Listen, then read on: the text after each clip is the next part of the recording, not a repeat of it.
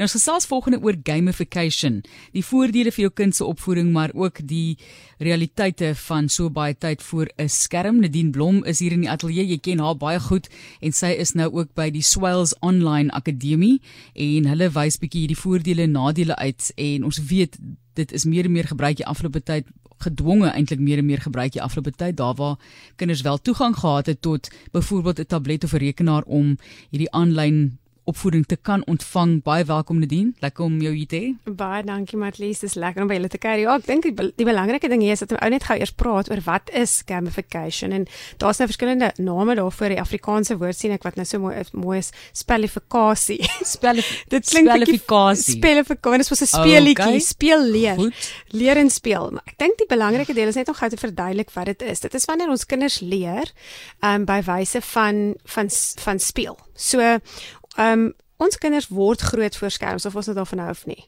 En um, ek dink wat wat wonderlik is van Swells Online Academy is weet ons het, ons ons het besef dat of ons daarvan hou of nie ons moet ons kinders in hulle wêrelde gaan haal en hulle op die manier wat hulle aan gewoontes leer. Nou, as jy dink ou kleintjie op die ouderdom van 3 jarige ouderdom, ek bedoel hulle word amper met 'n iPad of 'n tablet dan nou in die hand gebore.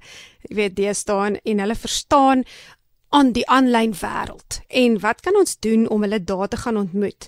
So wat baie oulik is hiervan is daar's verskillende platforms waarop 'n ou daar's um, Kahoot en en jy weet jy weet verskillende oulike ek wil net te veel daaroor ingaan. Van Kahoot gehoor nie, maar dit ja, klink Ja, vreeslik oulik waar jy nou ingaan en jy en jy ehm um, stel dan 'n jy vat die werk wat jy met as 'n ehm um, 'n leerkrag dek met die leerder en dan stel jy sekere speletjies rondom dit op.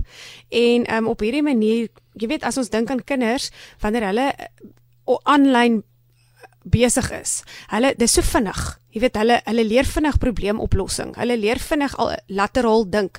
Jy weet ons as ouers is geneig om te dink, "Oeg, dis net sleg vir my kind."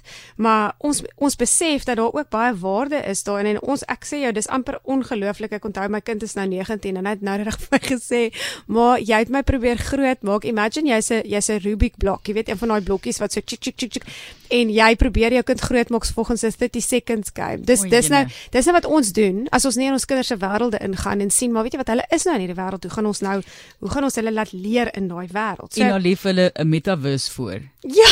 So ek meen vir almal van ons is daar hierdie meta wêreld wat vir ons voorlê en, en of jy nou wil deelneem aan of nie, ek dink dit gaan geïnkorporeer word in soveel dele van ons daagse daaglikse lewens in die toekoms ja.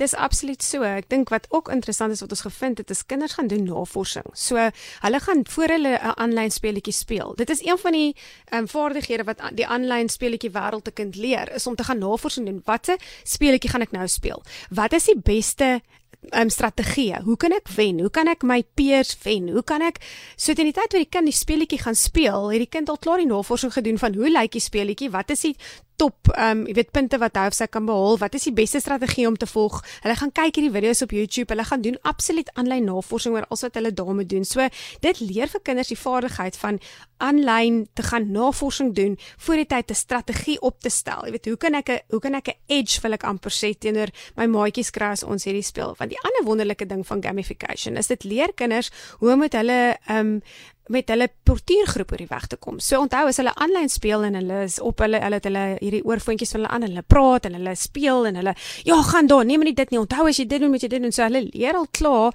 die aanlyn wêreld van leer is soveel makliker vir 'n kind as gevolg van so toe COVID nou kom en ons kinders moet in aanlyn situasies in die of aanlyn klaskamers sit en, en hulle het al klaar in die aanlyn wêreld gespeel is hulle gewoond aan aanlyn kommunikasie hulle is gewoond aan hoe om te kommunikeer aanlyn so die aanlyn klaskamer was nie in daai opsig so groot ontnigtering vir kinders nie omdat daar jy weet soveel kinders is wat reeds aanlyn speletjies speel. So ek dink die belangrike deel is dat 'n ou net daai daai bril afhaal van dis net sleg dit dit is dit weet dit maak ons kinders um, dom dit laat wie weet dit veroorsaak dat hulle nie kan spel nie of wat daar's ook vers, verskriklik baie voordele. En as ek hierdie goed sê sê ek dit daar's geweldig baie navorsing deur opvoedkundiges gedoen. Ek bedoel Lauren um Jacqueline sy is ons hoof by Swells Online Academy. Sy sê sy is 'n ongelooflike um onderwyseres en sy's 'n expert jy weet. En sy sê altyd as ons gamification gebruik dan kyk ons na vyf prosesse sy sê ons kyk wat wil ons bereik in daai speletjie of dit nou is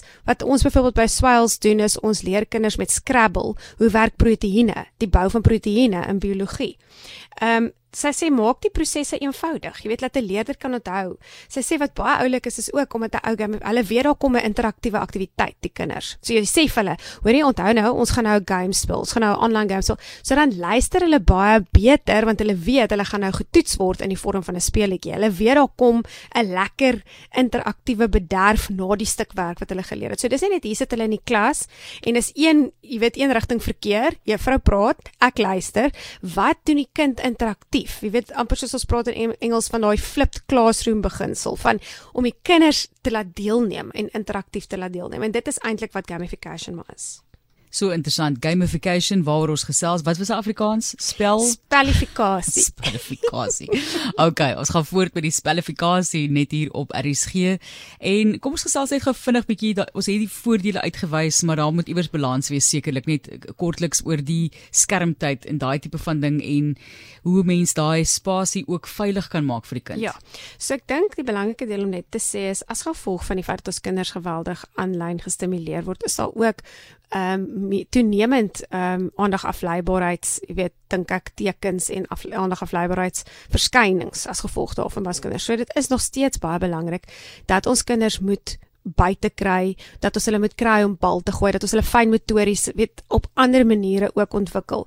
Ehm um, jy weet daai goedjies van uitknip en ehm um, as hulle bietjie ouer is ook, jy weet die die ander vaardighede.